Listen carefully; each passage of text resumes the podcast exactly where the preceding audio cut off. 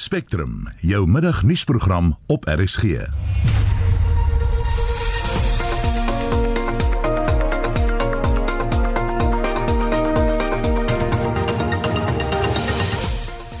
In 'n vermiddag program Johnson & Johnson inentings in Suid-Afrika word vereers gestaak. Handelstoestande verbeter, die omstrede Ysmagashule wek opnuut opspraak en al hoe meer aasvoëls word vir tradisionele medisyne gebruik.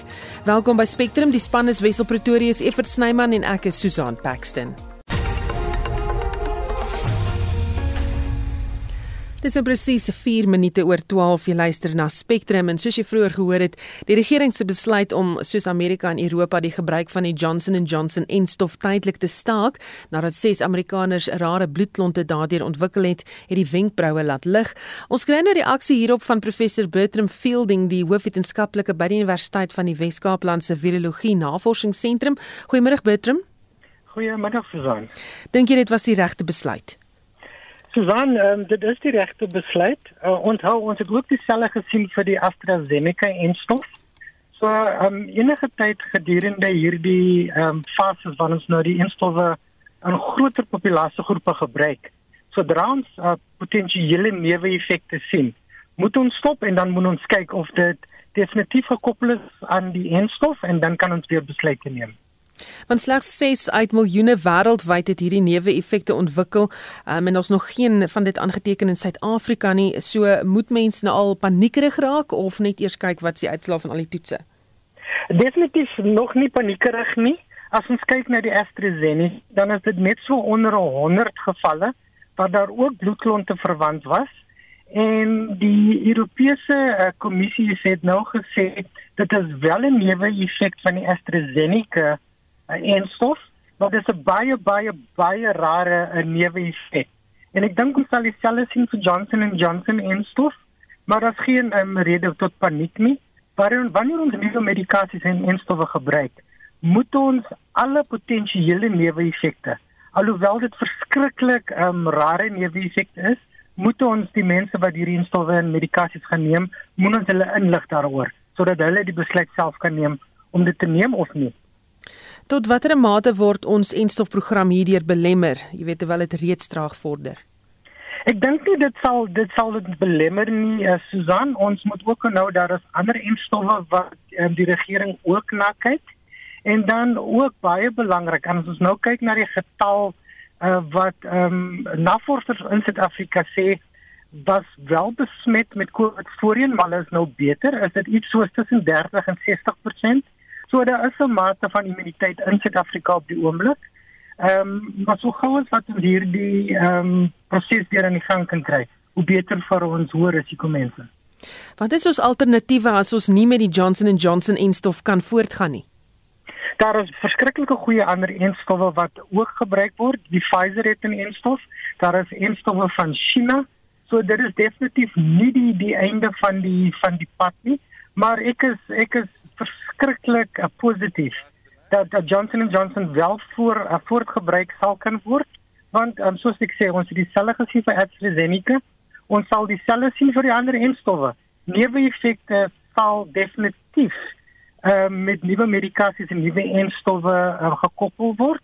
En soos jy voorheen gesê het Susan die getal enstowwe wêreldwyd en die neeweffekte wat ons tans sien is 'n verskriklike verskriklike klein persentasie So definitief ehm um, uh, dink ek dit sal voort kan gaan. Baie dankie. Dit was professor Bertram Fielding van die Universiteit van Wes-Kaapland se Virologie Navorsingsentrum en uh, môreoggend sal Dr. Angelique Kutse die voorsteur van die Suid-Afrikaans wees in monitor tussen 6 en 8. Handelstoestande in die land lyk al meer gunstig en dit is volgens die Suid-Afrikaanse Kamer van Koophandel en Nywerheid se jongste handelsaktiwiteite indeks wat bekend gemaak is. En vir die jongste daaroor praat ons nou met ekonom Richard Downing. Goeiemôre Richard. Goeiemôre Susan. Hoe die indeks vertoon? Nee, indeks lyk like 'n bietjie beter soos jy sê. Hy is nou nog net net 'n negatiewe gebied. Met ander woorde, as ons ons meet die indeks uit 100 uit en as hy so by 50 kom en hoër as 50, dan sê ons die dinge lyk nou meer positief, maar hy hang hang hier so rondom 49 op die oomblik wat ons sê hy is net net nie positief nie. Maar ons moet net onthou hy kom hier van Januarie af toe hy toe was hy indeks op 34 En dit wys ons eintlik die negatiewe effek wat hierdie soort van inperkings op die ekonomie en sake toestande het. So die die meer sekerheid oor oor waar waarheen hulle beweeg in terme van die inperkings, dink ek speel 'n rol in hierdie positiewe syfer wat ons sien op die oomblik. Is daar sektore wat vir jou uitgestaan het? Ja, wel, ek meen ou sien maar verkope het redelik sterk uh, gereageer. Daai indeks is redelik positief. Hy staan op op 52 op die oomblik en en uh, so ook nuwe bestellings. So dit lyk goed. En ons en ons vra ook vir die die respondente hoe hoe, hoe sê hulle hoe lyk dinge vir so 6 maande vorentoe? En hulle dui ook aan daarso dat hulle redelik positief is. Daai indeks staan op 54 wat vir ons sê as hulle verwag veral as verkope nogal redelik positief kan wees hier in die omgewing van 59 indekspunte wat vir ons vertel dat hulle redelik in positiewe gebied in. Maar ek dink dit ou met die hele tyd onthou, ek dink dis amper 'n syfer hierdie wat ons sien 'n syfer van verligting eintlik van waar ons vandaan kom. En jy weet ons was verlede verlede jaar hier Oktober se kant en dit is syfer redelik positief vertoon. En toe kom hierdie beperkings weer in Desember. En dit wys vir ons net hoe versigtig daar gehandel moet word met hierdie inperkings. En veral om dit te uh, nog al te gebruik om gedragsveranderlikes soos byvoorbeeld om ouens te ophou laat ophou rook en of te drink miskien. Sulke tipe van van, van oefeninge wat saamgaan met die inperkings is nie noodwendig bevorderlik vir ekonomiese aktiwiteit en verhandel nie. Hm. Hoe gaan dit inflasie beïnvloed dink jy? Ja, ek dink dat uh, lyk like positief. Dit is al seker uh, wat ons nou na kyk, is weer môre word die kleinhandel syfer weer bekend gemaak in terme van Suid-Afrika en uh, daar sou lyk die syfers nou nie goed op die oomblik nie want ons sit daar met 'n syfer dink ek vir Februarie wat môre bekend gemaak word. So die syfer is 'n bietjie agter, maar ons het gesien al hier in in Januarie was daai syfer jaar op jaar so 3% uh, slegter as verlede jaar, anderswoorde 2020 Januarie. En en en dit sê vir ons dat selfs voor die inperking het, het, het, het begin ons nou nog slegter doen as in, in terme van daai resessie toestande wat destyds geheers het aan die begin van 2020. En dan natuurlik hierdie aspekte soos elektrisiteit en brandstofpryse wat eintlik eh, as 'n skok kom eintlik die brandstofpryse groot komponent daarvan hierdie uh, eintlik brandstofheffing is eintlik maar 'n belasting wat tot 'n groot mate ook bydra tot tot hierdie hoë kostes. En hierdie twee koste elemente elektrisiteit en brandstof is essensieel eintlik in baie ekonomiese aktiwiteite. En dit is jammer want dit gaan vir al jou verbruiker negatief raak. En ek dink ons hoop maar net handelstoestande hou uit maar ek dink dit gaan redelike negatiewe effekte hê op die volume van handel en handelaktiwiteit. Baie dankie dit was ekonom Richard Downing. Terwyl AgriSA die besluit verwelkom om die afsetting van boere op hierplase te staak, doen die organisasie nou 'n beroep op die minister van Landbou, Grondhervorming en Landelike Ontwikkeling, Toko Dodiza, om 'n behoorlike database saam te stel oor hoe die plase toegeken word. En ons praat hieroor met Christo van der Rede, AgriSA se uitvoerende direkteur. Goeiemôre Christo. Goeiemôre Susan en goeiemôre aan al jou luisteraars. Hoekom het dit so lank geneem voordat die minister toegetree het tot die omstredenheid rondom die toekenning van plase?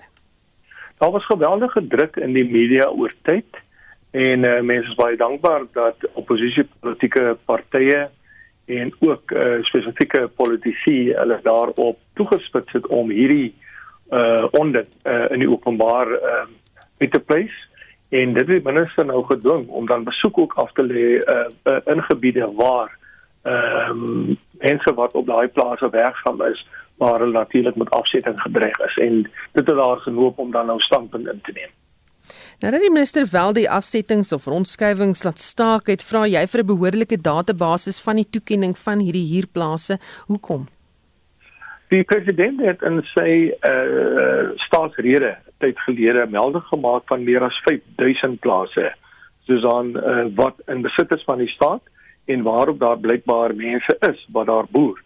Uh, ons wil graag weet uh waar is daardie plase? Tweedens wie uh het die toestemming gekry of wie het die reg om op daai plase te boer want dit blyk asof daar geweldige verwarring is en dat daar soms onregmatige mense is op daai plase waar daar boer en dan derdens wil ons graag weet in hoe mate hulle dan ook hier betaal uh, want die staat het ook geen behoorlike rekords oor hier ooreenkomste en uh, ons wil graag wil weet wat gebeur met daai hier inkomste en of daar enige hier uh, betaal word. En dan watter tipe van ondersteuning kry hulle? Want Indien 'n plaas oorgedra word aan 'n nuwe boer, uh, dan moet uh, die produktiwiteit voortgaan en uh, die werkers se regte moet beskerm word. Uh, en indien dit nie gebeur nie, weet ons die ekonomiese implikasies van 'n plaas wat uh, sy produktiwiteit verloor is enorm vir die plaaslike gemeenskap en ook vir die naby geleë dorpe. Wat is die rol van amptenary en wat jy noem administratiewe bedrog? Uh, die minister het self erken dat daar is amptenare in haar uh, in die landboudepartement wat uh, besig is met korruptiewe ja, korrupte aktiwiteite en uh, dat uh, hulle is besig om daai amptenare aan die kaak te stel en wat vir ons van groot groot kommer is is die feit dat in baie gevalle word mense wat uh 'n lyn staan vir restitusie eise word hulle soms nie eens in kennis gestel dat daai grond aan hulle beskikbaar gestel word nie want die amptenare swyg daaroor en ken dan daai plase toe aan hulle eie familielede of aan uh kadres waarmee hulle dan 'n verbintenis het. Nou hoe kan plaaslike gemeenskappe die plase bekom sodat dit nie aan politieke loyaliste of MK veterane as geskenke uitgedeel word nie? Ek dink dit is belangrik uh, dat ehm uh, voornemende boere uh, moet betrokke raak by georganiseerde landbou. Uh, georganiseerde landbou soos AgriSA en ook ander organisasies het die nodige strukture en het ook die nodige kapasiteit om sulke mense by te staan. Jy weet indien hulle voel dat hulle veronderreg word of uh, dat hulle nie die nodige ondersteuning kry van die staat nie. En dan laasens jy het vanoggend op ons susterstasie SAFM gereageer op die Mpumalanga ALR vir veiligheid en sekuriteit Woesie Shongwe wat gesê die ANC moet plase konfiskeer van boere wat werkers mishandel. Jou standpunt? Ja, dit is 'n uh, goedkoop politiekery. Uh, want uh, as die staat nou skielik my plaas kan oneien omdat daar beweerde uh misbruik is van werkers, dan beteken dit die staat kan my motor môre kom konfiskeer as ek iemand per ongeluk raak kry of die staat kan my besigheid kom konfiskeer. Ek dink politici moet hulle weerhou van sulke onsin want dit is blote goedkoop politiekery en dit help ons nie om by 'n oplossing uit te kom nie. Baie dankie, dit was Christo van der Rede, die uitvoerende direkteur van Agri SA. Die ANC se sekretaris-generaal Ys Magashule wat teen eh, die einde van van dese maand veronderstel is om sy pos te ontruim het opnuut opspraak gewek. Dit het aan die lig gekom dat hy provinsiale sekretarisse versoek het om die name van alle lede wat van ongeruimthede verdink word na sy kantoor te stuur in weerwil van 'n besluit van die ANC se nasionale uitvoerende komitee dat slegs lede wat reeds aangekla is en in die hof verskyn het op sy moet staan. Dr Oscar van Heerden, 'n politieke ontleder eh, van Universiteit Stellenbosch, praat nou met ons. Goeiemôre Oscar. Goeiemôre Susan en goeiemôre aan die luisteraars. Wat is jou reaksie op die optrede van Magashule? Ag, soos ons mos nou opge opgelet het al hy is maar 'n sekretaris-generaal wat uh, gedurig teen die besluite van die nasionale uitvoerende komitee gaan. Ehm um, die besluitneming van die NEK was baie spesifiek en dit het gesê mense wat al reeds kriminele uh, sake in die in die oog staar moet natuurlik nou een kant toe staan, maar ons sien nou die sekretaris sê dit nou probeer om ek dink die indruk te skep dat daar talle meer mense in die ANC wat aantuigings het en en so voort en so aan en met dit wil hy probeer sê dat gaan ons regte vir al hierdie mense vra myself ingesluit as die SG en een kant toe te staan en ek dink dis die dis die eintlike uh, rede hoekom hy dit gedoen het. Sê vir my, uh, hoe lank kan die ANC dit nog bekostig dat hy net sy eie ding doen? Wel, dis dit dan en ek, en ek dink uh, hy, hy skiet homself in die voet volgens my, want uh, ek dink die die die top amptenare in die ANC gaan nou weer eens sê, uh, dit hierdie stand wat hy wat hy probeer, is dieselfde wat hy gedoen het met die parlement, uh, wat hy teen die besluite van die NK gegaan het en vir die mense gesê het hulle moet 'n uh, spesifieke uh, manier stem en ek dink hy maak net die die amptenare meer kwaader. Ehm um, en om te weet mense het mos nog gesê 30 dae is 'n lang tyd. Ehm um, as hulle by die oorspronklike 7 dae gebly het, was hy nou al uh, al reeds op die een op die sypaadjie, maar ongelukkig uh, het hulle besluit op 30 dae en ek dink uh, hulle gaan sê hy moet uh, hy moet daai ehm um, kommunikasie terugtrek. Hoe ver het hy toe gekom om met sy eh, plan om met outleiers soos Tabo Mbeki, Matthew Sposa en Jacob Zuma oor die opsy staan besluit te beraadslaag? Maar volgens hom, eh uh, soos aan volgens hom, uh, hy net net uh, met uh, Matthew Sposa gepraat Hy het aangedui dat die volgende persoon gaan oud president Zuma wees. Ehm um, en soos ons weet beide van daai twee spesifiek ehm um, gee ons 'n sekere mate van ondersteuning.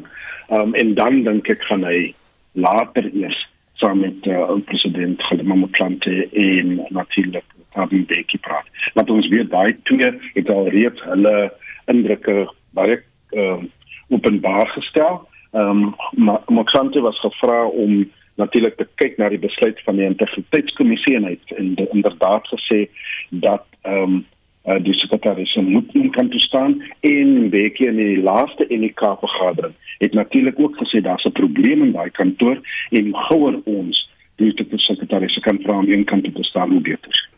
Dink jy Magashule gaan op sy staan? Glad nie. Glad nie. Sy politiek nou is chaos. Ehm um, dis wanorde.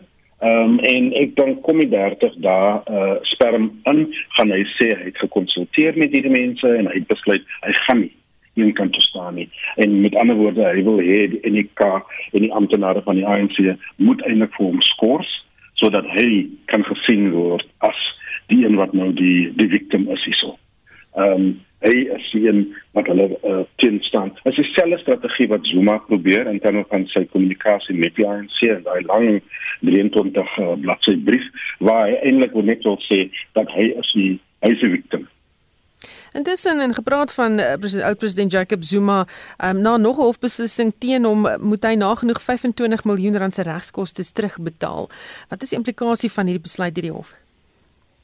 Al die implikasie is, is baie spesifiek. Hy moet hy moet uh, wat hulle gesê het is die staat ehm um, moet natuurlik nou ehm um, die die die boeke ehm um, openbaar maak in terme van hoeveel geld hulle gespandeer het op die oud president uh in hierdie hofsaake en dan moet hulle begin om uh prosesse in plek te sit om daai geld terug te kan kry van Zuma. Maar ek dink wat gaan gebeur uh Susan is dat uh hy gaan weier om te betaal. Hy gaan sê hy is, hy is bankrot um, hy het nie geld nie en aan die einde van die dag sal, um, sal ons hoor stil stil dat die regering eintlik gaan sê dis 'n uh, dis 'n bad debt en hulle gaan dit afskryf.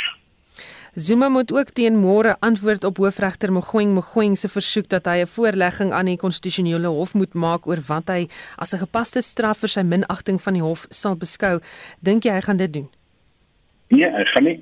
Hy gaan weier om dit te doen want weer eens as hy enigsins sê wat hy dink uh jy weet wat wat wat 'n soort van vonnis hy moet kry.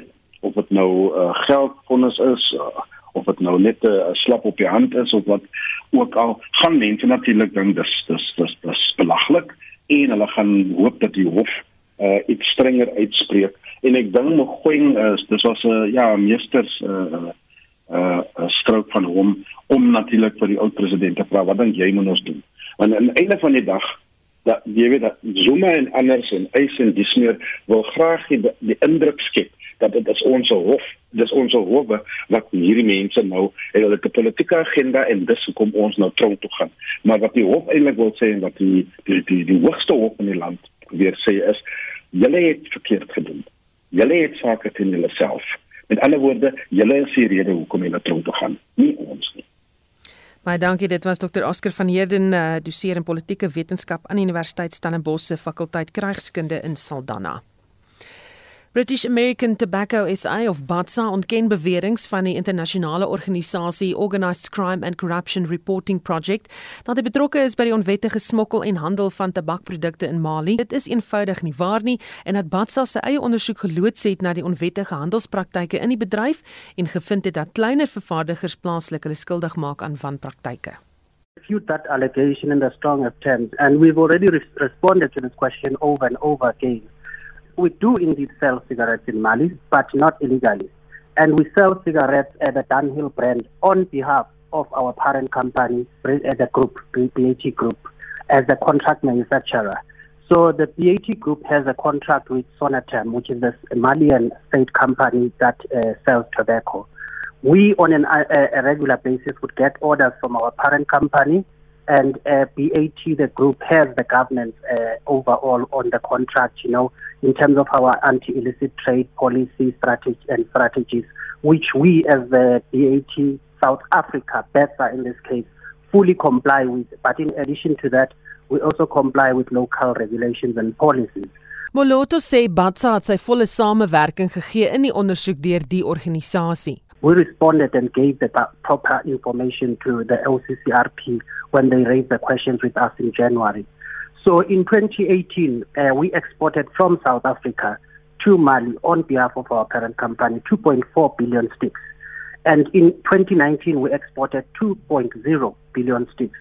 And in last year, during the sales ban, when uh, we were allowed to export, so this was allowed by law, uh, we exported 1.7 billion sticks. And all of these are declared by SARS. They are exported according to what is permissible within the regulations uh, uh, applied in terms of the Customs and Excise Act. Moloto sê dit is hoogtyd dat alle rolspelers in die bedryf kom verduidelik wat hulle rol is in die onwettige handel van tabakprodukte.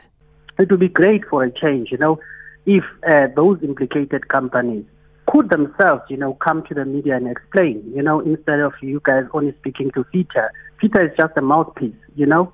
In this case, we as the company itself, the corporate implicated, we are the ones that are now actually having to explain these allegations. Can they, for a change, can you call Canelings, can you call Gold Leaf Tobacco for a change to also come and actually refute or make a, a, statement in regard to why their tobacco products are found in the market to be selling below the minimum collectible tax instead of just fitting to a uh, And it was Batsa bestuurshoof Johnny Melotu.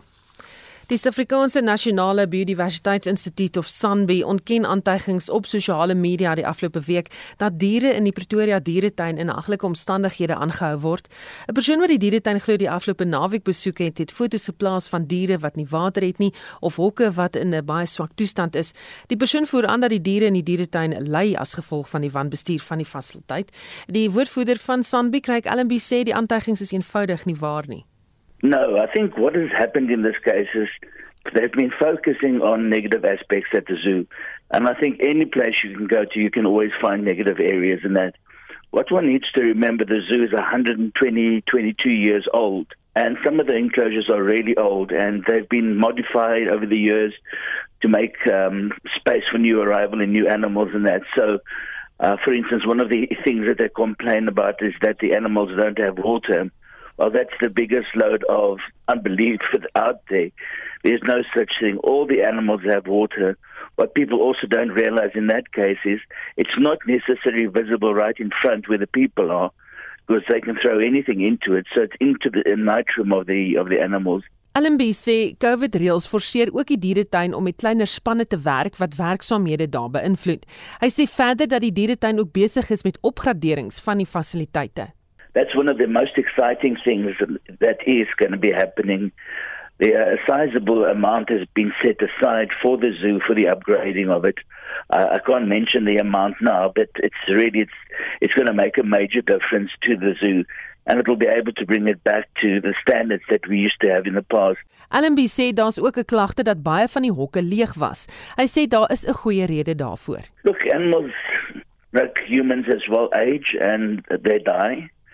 Uh, we have something called a collection plan. And in that collection plan, it's decided, you know, what animals need to come into the zoo, you know, what what animals do we need to bring in to, um, to augment our populations and what are going out because they no longer fulfill our mandate as well. So we predominantly, our, we're tr- trying to change our collection to have 70% of the animals in there from Southern Africa because one of the big challenges that we've got is we don't buy animals.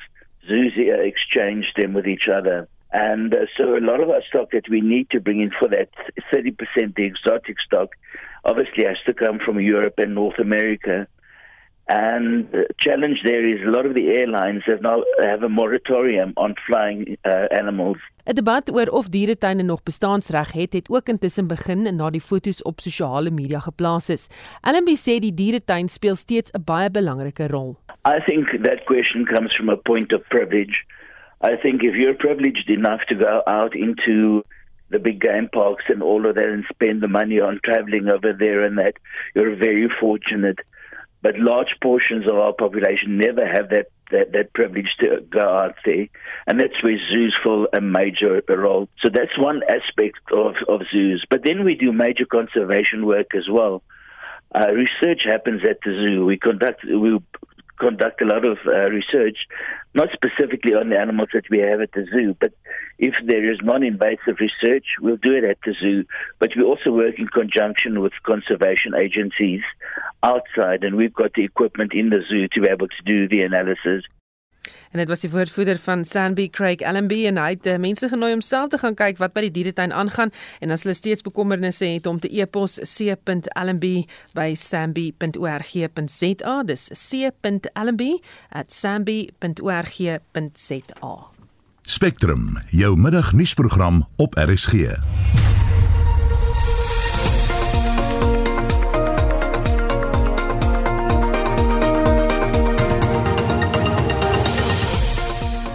In hoofnuus en Spectrum Johnson & Johnson inentings in Suid-Afrika word vereers gestaak, handelstoestande verbeter, die omstrede ysmagasiole wek opnuut opspraak en al hoe meer aasvoëls word vir tradisionele medisyne gebruik.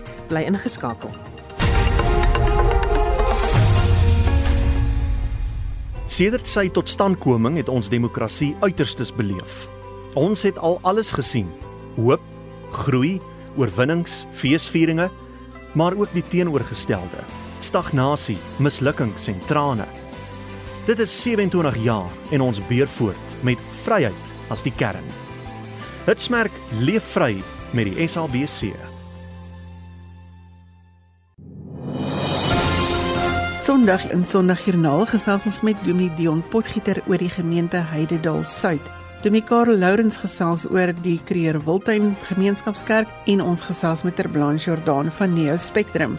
Dominee Joa Grywenstein van die Maitland Gemeenskapskerk gesels ook met ons oor hulle restaurasieproses. Skakel in vir Sondagjoernaal net na die 7uur nuus vir positiewe inspirasie saam met my, Liselde Bruin.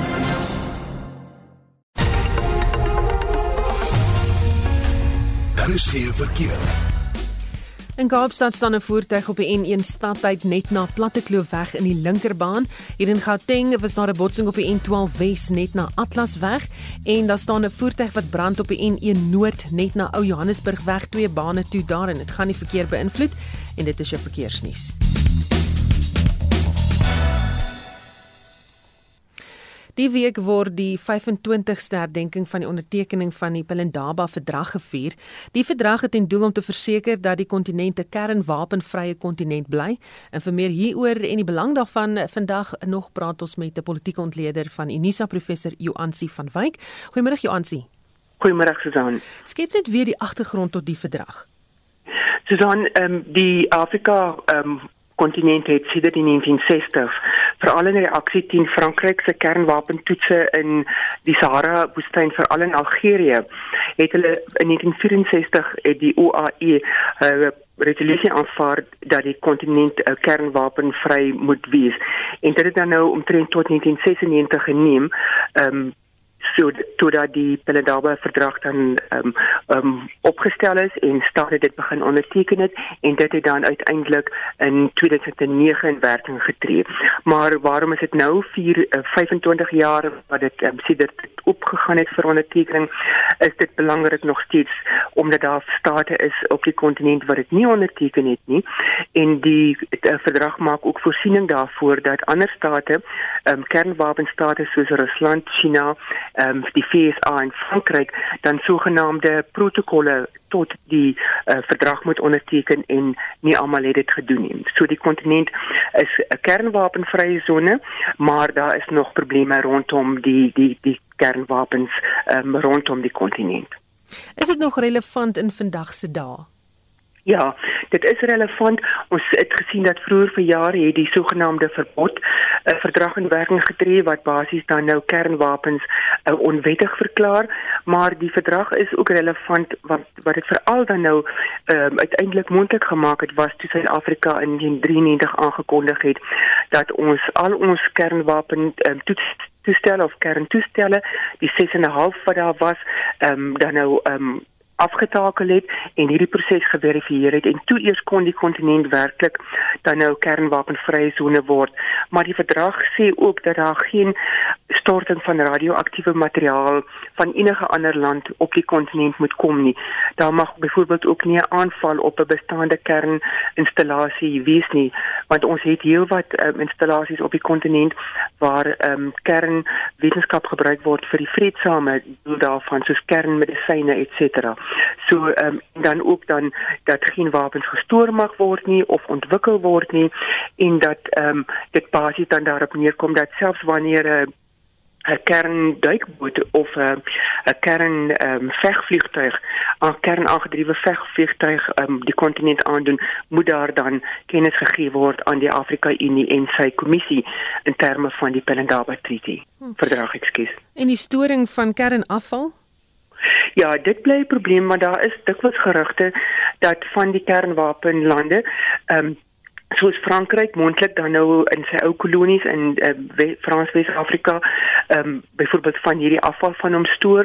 Ehm um, dit is ehm um, geverifieer, um, maar soms is daar ook vrae rondom weet of die verifikasie inderdaad so is.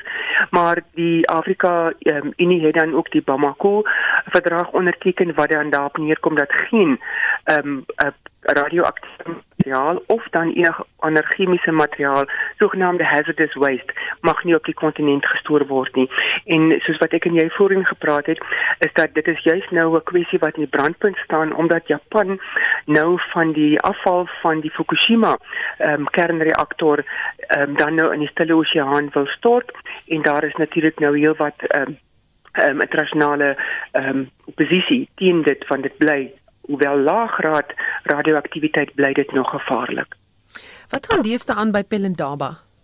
Ja, Pelindaba wat dan nou die die verdrag se naam ehm um, dra, ehm um, was dan nou die plek ehm um, een van die ehm um, kern ehm um, fasiliteite van waar Suid-Afrika se kernwapenprogram bestuur is.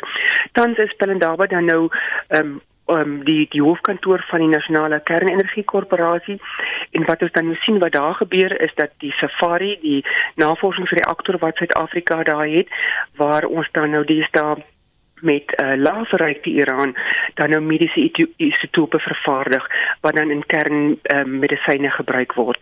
Ehm um, maar ons het ongelukkig ons um, marksegment ehm um, internasionale marksegment verloor nie net as gevolg van die ehm um, pandemie nie wat dan nou gemaak het dat hierdie vervoer nie kon plaasvind nie want ons weet dat hierdie isotope het 'n 'n sekere leeftyd waarbinne dit gebruik moet word al dan nie. So die vlugte kon nie uh, plaasvind dat dit nou uitgevoer kan word nie, maar ook dan die kernenergiekorporasie word ook nie baie goed bestuur nie. Ons het geweldig baie ehm um, verliese gelei vanweë die swak bestuur, soveel so dat minister Mantashe vrede jaar moes ingryp en dan nou ehm um, die die die raad het bedank en 'n nuwe raad is aangestel.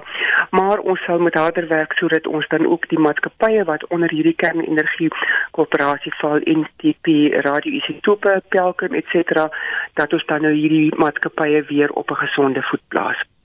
Baie dankie. Dit was 'n politieke ontleder van Unisa professor Joansi van Wyk. Daar is 'n al groter wordende behoefte aan tradisionele medisyne wat die liggaamsdele van aasvoëls bevat. Dit bedreig die voortbestaan van die spesies net al meer. Dis die bevinding van ondersoek na 'n vergiftigingsgeval in Guinea-Bissau in Wes-Afrika 'n jaar gelede. En vir meer hieroor praat ons nou met die programbestuurder vir aasvoëls in Afrika by die Trust vir Bedreigde Natuurlewe, Andrei Botha. Goeiemôre Andrei. Middag Susan. Ons kyk gou gewinne daai voorval 'n uh, jaar gelede. Hoeveel aasvoëls het gevrek? Die skatting op hierdie stadium in Januarie, ag Februarie, Maart vir hierdie jaar was uh, net so oor die 2.500 monarch aasvoëls wat in Guinea-Bissau alleen vergiftig is. En ons is ook bewus van 'n insident nou so 6 weke gelede weer in 'n ander deel van die land waar daar nog 46 vergiftig is. So het die probleem dan nou met ander woorde groter geword, meer vergiftigings. Ja, kyk dit was stil geweest uh, seker vir so 10 maande en en toe het ons nou weer hierdie hierdie voorval in 'n ander deel van die land gehad wat wat weer kop uitgesteek het. En aanvanklik uh, weet die die uh, voorval is gekoppel aan die politieke onstabiliteit wat in Guinea-Bissau geheers het uh, so om om en by 'n jaar gelede op 'n stadium was daar twee presidente in die klas van ding. En een van die ehm uh, geloofsleiers in die land het toe 'n aankondiging gemaak en gesê as mense aasvoel liggaamsdele in hulle besit het dan moet hulle beskerm wees in enige onheilike gevaar wat wat mag bestaan as gevolg van hierdie politieke onstabiliteit en dit het uh, blykbaar regstreeks aanleiding gegee tot hierdie vergiftiging. Ehm um, die meer onlangse insident uh, lyk vir ons meer geïsoleerd en en dit kan nie noodwendig direk gekoppel word aan dit wat 'n jaar gelede gebeur het. Gebeur dit hier op eie bodem ook? Ongelukkig ja, so onlangs soos omtrent 10 dae gelede is daar mense gearresteer in Zululand uh, met aasvoëlkarkasse in hulle besit. Hulle het reeds die koppe verwyder en die voete wat hulle dikwels afsonderlik verkoop van die res van die van die karkas. Ehm um, en uh, dit is toe gekonfiskeer uit die af van die saak is die voëls reeds dood en daar was uh, ook 'n insident vroeg in Desember verlede jaar maar nog meer in dieselfde gebied. Ehm um, die wetstoepassingsbeamptes is is wel deeglik bewus van uh, hierdie praktyk in in die bepaalde area. En ek dink die arrestasies wat ons gesien het nou so 'n week en 'n half gelede as gevolg van goeie inligting wat deurgekom het uit die gemeenskap uh het gehelp om om om die ding aan te spreek daar. Maar dit is maar 'n sporadiese verskynsel hier by ons ook. Uh en ek dink as jy uh kyk na die kwynende getalle aasvoëls in Zululand en besonder is daar definitief hier by ons ook rede tot kommer. Ek wou net vir jou gevra het, jy weet onder hoeveel druk is aasvoëls tans? Man, ek ek dink reg oor Afrika, ehm um, dis dis op die stadium 'n redelike welbekende feit die afgelope 30 jaar of so het Afrika se uh, aasvoël getalle afgeneem in sommige spesies met tot 97%. Ons praat van 'n gemiddeld van omtrent 68% oor al die aasvoëls wat in Afrika voorkom. Ehm um, dis 'n peiling wat ons gedoen het hier om en by 2015 en dit het veroorsaak dat die meeste van die aasvoëls wat in Afrika voorkom tans of bedreig of uiters bedreig uh, geklassifiseer word deur die IUCN. So daar's definitief rede tot kommer die die skaal en die omvang van van hierdie aktiwiteite is eenvoudig net nie volhoubaar met die asels wat daar is nie en ek dink ehm um, dis belangrik om weer eens te beklemtoon die belangrike ekologiese rol wat hierdie voël speel in terme van die verwydering van karkasse en daardeur die moontlike uh, vermindering van die impak van sekere siektes wat ook vir ons as mense uh, 'n wesenlike bedreiging is. Baie dankie. Dit was die programbestuurder vir Aasvoëls in Afrika by die Trust vir Bedreigde Natuurlewe, Andrei Botha. Ons beweeg na die sportveld met Shaun Jooste. Ons herinner graag dat die derde T20 wedstryd tussen Suid-Afrika en Pakistan vanmiddag 0:30 op SuperSport Park in Centurion begin. Die reeks is gelyk op met 1-1 en die vierde en laaste wedstryd vind Vrydag ook in Centurion plaas. In die IPL reeks pak die Royal Challengers Bangalore en Sunrisers Hyderabad mekaar ook vanmiddag 4:00. Op die sokkerveld met Liverpool vanaand 9:00 teen Real Madrid en Borussia Dortmund ook 9:00 teen Manchester City in die tweede been van die UEFA Kampioenligga se kwartfinale kragte. Madrid het 3-1 en City 'n 2-1 voorsprong na die eerste been. Op die tennisbaan kom Suid-Afrika se Ryan Klassen en sy spanmaat van Japan, Ben McLaughlin, vandag in die tweede ronde van die Monte Carlo Meesters toernooi teen die Brit Joe Salisbury en Amerikaner Rajiv Ram te staan. In die tweede ronde van die enkelspel stap die eerste gekeerde Novak Djokovic van Servië teen die Italiaaner Jannik Sinner en die 50 gekeerde Duitser Alexander Zverev teen nog Italiaaner Lorenzo Sonego op die baan uit. En laastens Nieu-Seeland rugby het lisensies aan twee spanne van die Suidsee eilande uitgereik om deel te vorm van die 2022 Super Rugby reeks. Die reeks sal nou uit 12 spanne, 5 van Nieu-Seeland, 5 van Australië en Fiji Drua en Mona Pacifica bestaan. Dit was Shaun Jooste van RSG Sport.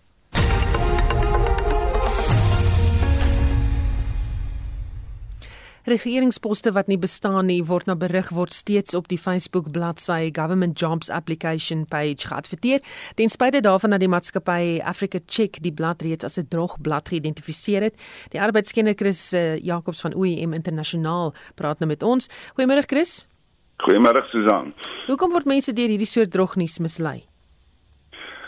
Susan, ek dink dit gaan uh, oor die toestand waarin ons trans is. Ehm uh, as 'n mens gaan kyk na die na die syfers lyk lyk ons werkloosheid op hierdie stadium geweldig sleg.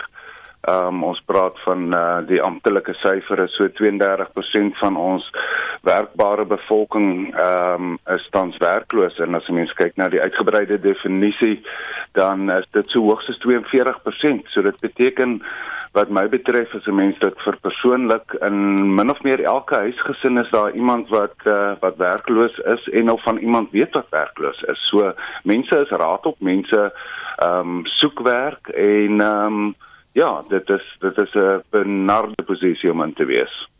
Goed, in hierdie spesifieke blad, wat behoort mense te doen wat reeds uitgevang is en dalk ook reeds geld oorbetaal het aan hierdie boosdoeners? Ek dink die die die feit van die saak is die eerste punt is rapporteer dit. En ek sien die departement van korrektiewe dienste het byvoorbeeld reeds ook 'n verklaring daaroor uitgereik om te sê mense moet asseblief tog na vore kom om om om om dit te rapporteer en ek dink dis die eerste uh, uh, stap wat 'n mens nie, moet neem. Ek dink die tweede ding is wees ingelig oor wanneer jy aansoek doen vir poste. Dit is baie makliker om op enige iets wat op die internet is te reageer en mense se vingers klik baie baie keer te vinnig op goed. Ehm um, en voordat hulle weet het hulle het hulle van hulle swaar verdiende geldjies ontslaag geraak. So die 'n mens moet amper af met 'n leeg glas begin veral wanneer jy daarna kyk. Dis baie makliker as 'n mens kyk na gedrukte media byvoorbeeld. Gedrukte media gee vir jou 'n eensetting.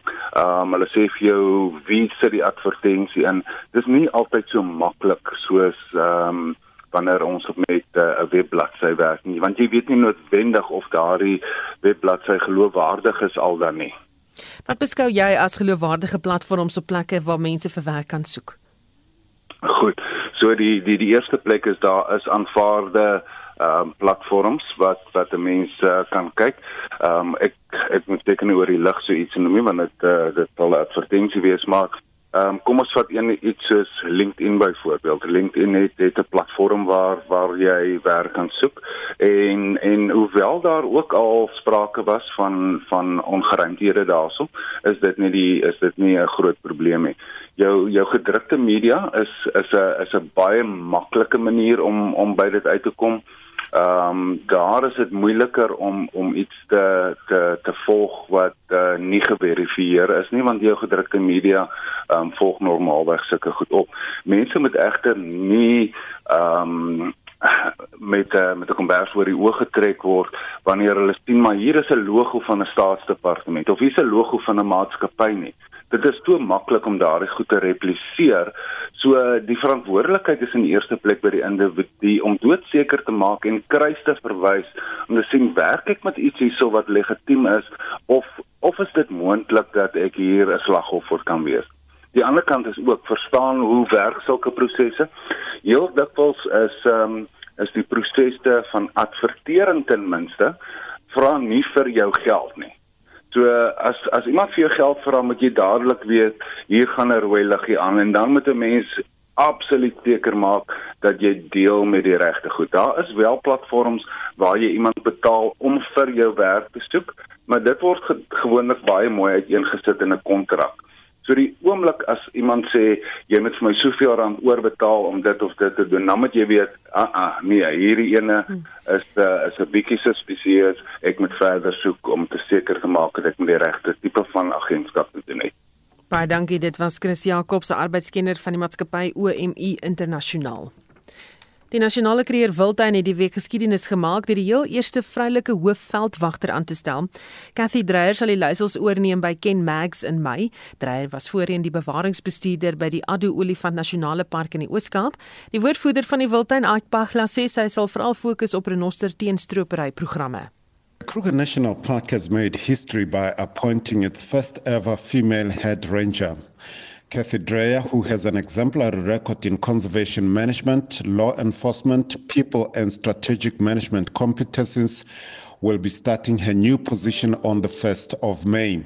She replaces Ken Max, who went into retirement after serving some parks for close to four decades. Ms. Dreyer's appointment comes soon after the holding of a successful strategy session in March with stakeholders and employees on preparing a rhino implementation plan, which is aimed at arresting the decline of the rhino population within the KNP. She brings with her a wealth of conservation management experience, especially in dealing with rhinos and their protection. She has proven herself as a dedicated conservationist and a law enforcement officer. Dit was die woordvoerder van die Wildtuin Ike Pahla. Die nasionale voorsitter en voormalige sekretaris-generaal van die ANC, Gwedi Mantashe, getuig vandag weer voor die staatskapingskommissie. Mantashe het ook in 2018 namens die regerende party voor die kommissie getuig, maar intussen het daar sedert gistermiddag verskeie dinge by die kommissie gebeur en Essie de Klerk hou die verrigtinge vir ons dop en ons gaan met haar praat. Kom ons begin eers by gistermiddag Noma Gigaba se die vervreemde vrou van die voormalige kabinetsminister Malusi Gigaba was veronderstel om voor die kommissie te getuig, maar sy het nie opgedaag nie, Estie. Ja, Susan haar regsverteenwoordiger het wel voor die kommissie verskyn en dat ja en aan adjunk hoofregter Raymond Zondo gesê hy het 'n brief van Gigaba ontvang om te sê sy onttrek haarself daarvan om voor die kommissie te verskyn. En die redes wat Gigaba in haar brief aangevoer het, sluit onder meer in dat sy nie tevrede is met hoe verskeie aspekte van haar voorgestelde verskyning voor die kommissie hanteer is nie of na bewering soos sy sê in die brief verkeerd hanteer is deur die staatskapingskommissie. Het die kommissie hierop gereageer? Ja, getuienisleier advokaat Anton Meiburg SC het gesê 'n dagvaarding moet uitgereik word om haar te dwing om voor die kommissie te getuig en regter Zondo het ook sy teleurstelling uitgespreek dat sy nie opgedaag het nie en het saamgestem dat sy gedagvaar moet word om te verskyn en het het dit ook goedgekeur. Nou vanoggend het die voormalige direkteur-generaal van die Departement van Staatsveiligheid Arthur Fraser 'n aansoek by die kommissie ingedien. Waarvoor was dit? Nou die aansoek hou verband met dokumente wat Fraser van Staatsveiligheid aanvra en daar is 3 respondente in die aansoek, naamlik die minister van Staatsveiligheid en die direkteur-generaal en die departement van Staatsveiligheid. Fraser vra dat regter Zondo 'n bevel maak dat die respondente die dokumentasie wat hy aanvra aan hom moet oorhandig. Die minister van Staatsveiligheid Ayanda Dlolo is bereid om hierdie dokumente te oorhandig, maar die direkteur-generaal van die departement en die departement self wat nou die tweede en derde respondente in hierdie aansoek is, staan die aansoek teen. Die partye is op die oomblik in onderhandelinge hieroor, maar getuienisleier advokaat Paul Pretorius verduidelik hier hoekom Fraser sê hy die dokumente benodig om die kommissie in sy ondersoek na staatskaping te kan bystaan. Mr. Fraser says in paragraph 34 of his founding affidavit I am more than eager to expose the machinations of these people who I believe are guilty of abusing their positions in government to favor and unlawfully enrich themselves their friends and or associates to favor or disadvantage certain political parties and or factions of political parties, steal from the public purse, and then there's an allegation that I'm not going to deal with. Advokaat Pretorius het voorgestel dat Fraser op sy eie uitnodiging voor die kommissie kom getuig en dat die dokumente dan as deel van die kommissie se ondersoek van staatsveiligheid aangevra word. En die aansoek is deur regter Zondo uitgestel tot 'n latere datum. Nou daarna die ANC se nasionale voorsitter Gwede Mantashe begin getuig, maar getuienisleier advokaat Alec Freud SC het gesê dat dit nie eintlik Mantashe was wat veronderstel was om vandag namens die ANC te moes getuig het nie. Ja, hy het gesê die ANC se sekretaris-generaal Ys Magashule was eintlik veronderstel om vandag te getuig, maar die ANC het 'n besluit geneem dat Mantashe eerder moet getuig. Nou ons is bewus daarvan dat die ANC se Magashule tot die einde van April gegee is om uit te tree en indien hy dit nie doen nie, kan hy geskort word en dit is nou hangende die korrupsie en ander strafregtelike aanklagte wat teen hom ondersoek word en die feit dat hy tereg staan op daardie aanklagte. Mantashe het toe sy getuienis begin deur 'n verklaring voor die kommissie te maak.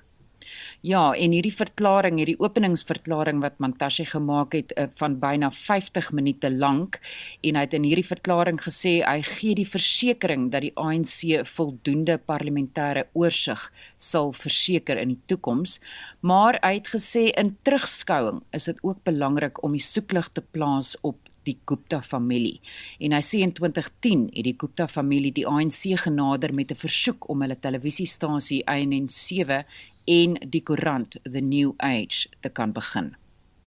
At the time, the ANC had an interest in the diversification of the media in the country. On the basis, the proposal was entertained. The establishment of ANN7 and the New Age uh, was, in our view, just such an opportunity.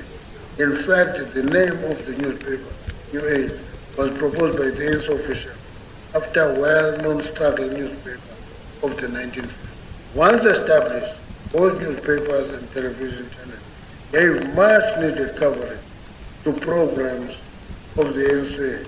And I can tell you, if you look into the newspaper and the media today, uh, when I buy newspapers on Sunday, before I buy them, I know what to expect from independent media. I know what to expect from the Sunday which is something I, I don't understand. And That informed our view that we needed diversity in the media. At the stage, the ANC had no knowledge of other business interests of the Gupta family until March. So what we know today, we didn't know that. Mantashe het ook gesê sedert 2020 en sedert oud-president Jacob Zuma gevra is om uit te tree, beleef die ANC 'n tydperk van waarna hy verwys het as onstabiliteit. En hy sê die onstabiliteit kan deels toegeskryf word aan die rol wat die Gupta familie gespeel het en die invloed wat hulle oor Zuma uitgeoefen het. Nou sy getuienis voor die kommissie duur vandag voort. Dan het regter Sonde ook 'n aankondiging gemaak oor die datums wanneer president Cyril Ramaphosa voor die kommissie gaan getuig. Ja, en die datums is op versoek van Ramaphosa geskuif en hy sal nou as die president van die ANC op 28 en 29 April getuig en as president van die land op 13 en 14 Mei. Baie dankie, dit was Estie de Klerk wat vir ons verslag gedoen het oor die verrigtinge by die staatskapingskommissie. Dis bykans 5 uh, voor 1 en die sake nuus word aangebied deur Robert Cameron, die portefeuljebestuurder by Fisher Dugmore Sekuriteite. Uh, Goeiemôre Susan en luisteraars. Uh, ons plaaslike mark ver, verbeter vandag met die indeks vir alle aandele op met so 0,9% oftewel uh, 625 punte en hy staan op um, 67700 um 700 punte. Dan die top 40 indeks is uh, beter met 1%, die Hulbron indeks op met 1,15%, so ook die nywerheidsindeks op met 1,15% en dan die finansiële indeks op hierdie stadium onveranderd. Ons kyk kyk na enkele aandele, Naspers is sterker met so 1,6%. Hy's op uh, 3566 rand uh Exaro op met 2,2% R182.60 en dan Sibanye Stillwater is op met uh so 4,2% op R69.90. Dan die wisselkoerse, die rand uh, redelik bestendig vandag R14.50 teenoor die Amerikaanse dollar. R17.34 teenoor die euro en 'n Britse pond kos jou R19.94. Kommoditeite, die goudprys 1744 dollar per fyn ons, platinum tans op 1178 dollar en dan die Brent olieprys versterk weer eens so 1,6%. Hy's op 64 uh, dollar 70 per vatjie. Internasionaal sien ons oornag die Dow Jones uh, swakker gesluit met so 0,2%. Die groot Europese markte ook positief vandag. Die FTSE 100 in Londen op met so 0,2%. Die DAX in Frankfurt uh, marginaal sterker en dan die CAC 40 in prys verbeter so 0,4%. Dis baie dankie, dit is die einde van vandag se sake nuus. Baie dankie en die sake nuus is aangebied deur Robert Cameron, die portefeuljebestuurder by Fisher Dugmore Sekuriteite. Heinrich Weingart is gereed met 'n kort opsomming van die dag se belangrikste nuus.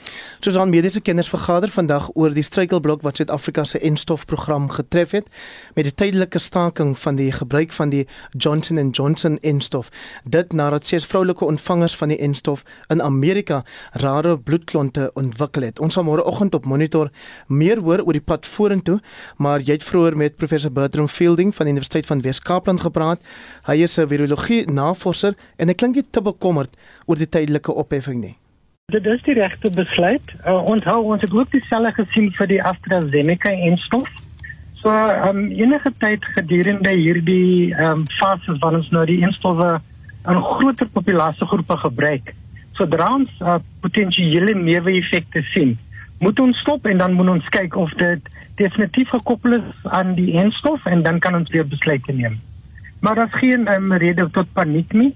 Wanneer wanneer ons nuwe medikasies en enstowwe gebruik, moet ons alle potensiële neeweffekte, alhoewel dit verskriklik um, rare neeweffekte is, moet ons die mense wat hierdie enstowwe en medikasies gaan neem, moet ons hulle inlig daaroor sodat hulle die besluit self kan neem om dit te neem of nie. Wat ekonomiese nuus betref, is ons oor gespits vir die bekendmaking van die kleinhandelsyfers vanmiddag. Die gebeure by die Sondekommissie na staatskaping bly ook in die kollig met onder andere minister Gwedi Mantashe wat vandag as voorsteur van die ANC getuig oor die party se beleid van kaderontplooiing. Die voorsteur van die kommissie het ook intussen bekend gemaak dat president Cyril Ramaphosa op 28 en 29 April en dan weer op 13 en 14 Mei in sy onderskeie rolle as staatshoof en ANC leier voor die kommissie sal verskyn. En dan heers daar 'n afwagting om te sien of Ramaphosa se voorganger Jacob Zuma wel teen môre 'n voorlegging aan die konstitusionele hof sal maak oor sy minagting van die hof se bevel dat hy verplig is om voor die kommissie te gaan getuig. Baie dankie, dit was Hendrik Weingart met 'n opsomming van uh, eh, ontwikkelende nuus van die dag, alles wat ons nog 'n oog op hou. Net nog 'n brokkie nuus eh, voor ons groet, die vier boere van Mpumalanga wat verlede week in hegtenis geneem is in verband met 'n skietvoorval op 'n plaas in die omgewing van Piet Retief, sal nog 'n week in aanhouding moet bly voordat hulle aansoek om borgtog uh, kan doen. Dit is na uh, Mkisini Amos Koka en Zenzela Koka as Vrydag tydens uh, die voorval op die plaas in die omgewing van Dirkieskop doodgeskiet. Dit is nog onduidelik oor wat presies die noodlottige dag plaasgevind het en verskeie weergawe van die gebeure doen sedert Vrydag op sosiale media die ronde. Nie een van die belanghebbendes kon of wel egter tot dusver uh, met ons praat nie. Ons gaan kyk of ons daai storie ook kan opvolg. Onthou vorige uitsendings van Monitor is op ons RSG webblad as 'n potgooi beskikbaar. Gaan net na www, dis die Monitor Inspektrum en Naweek Aktueel en kommentaar se programme. Jy uh, gaan net na www.rsg.co.za en uh, ons groet namens ons redakteur en waarnemende uitvoerende regisseur Wessel Pretorius, ons tegniese regisseur Evert Snyman. Ek is Susan Paxton. Geniet jou middag.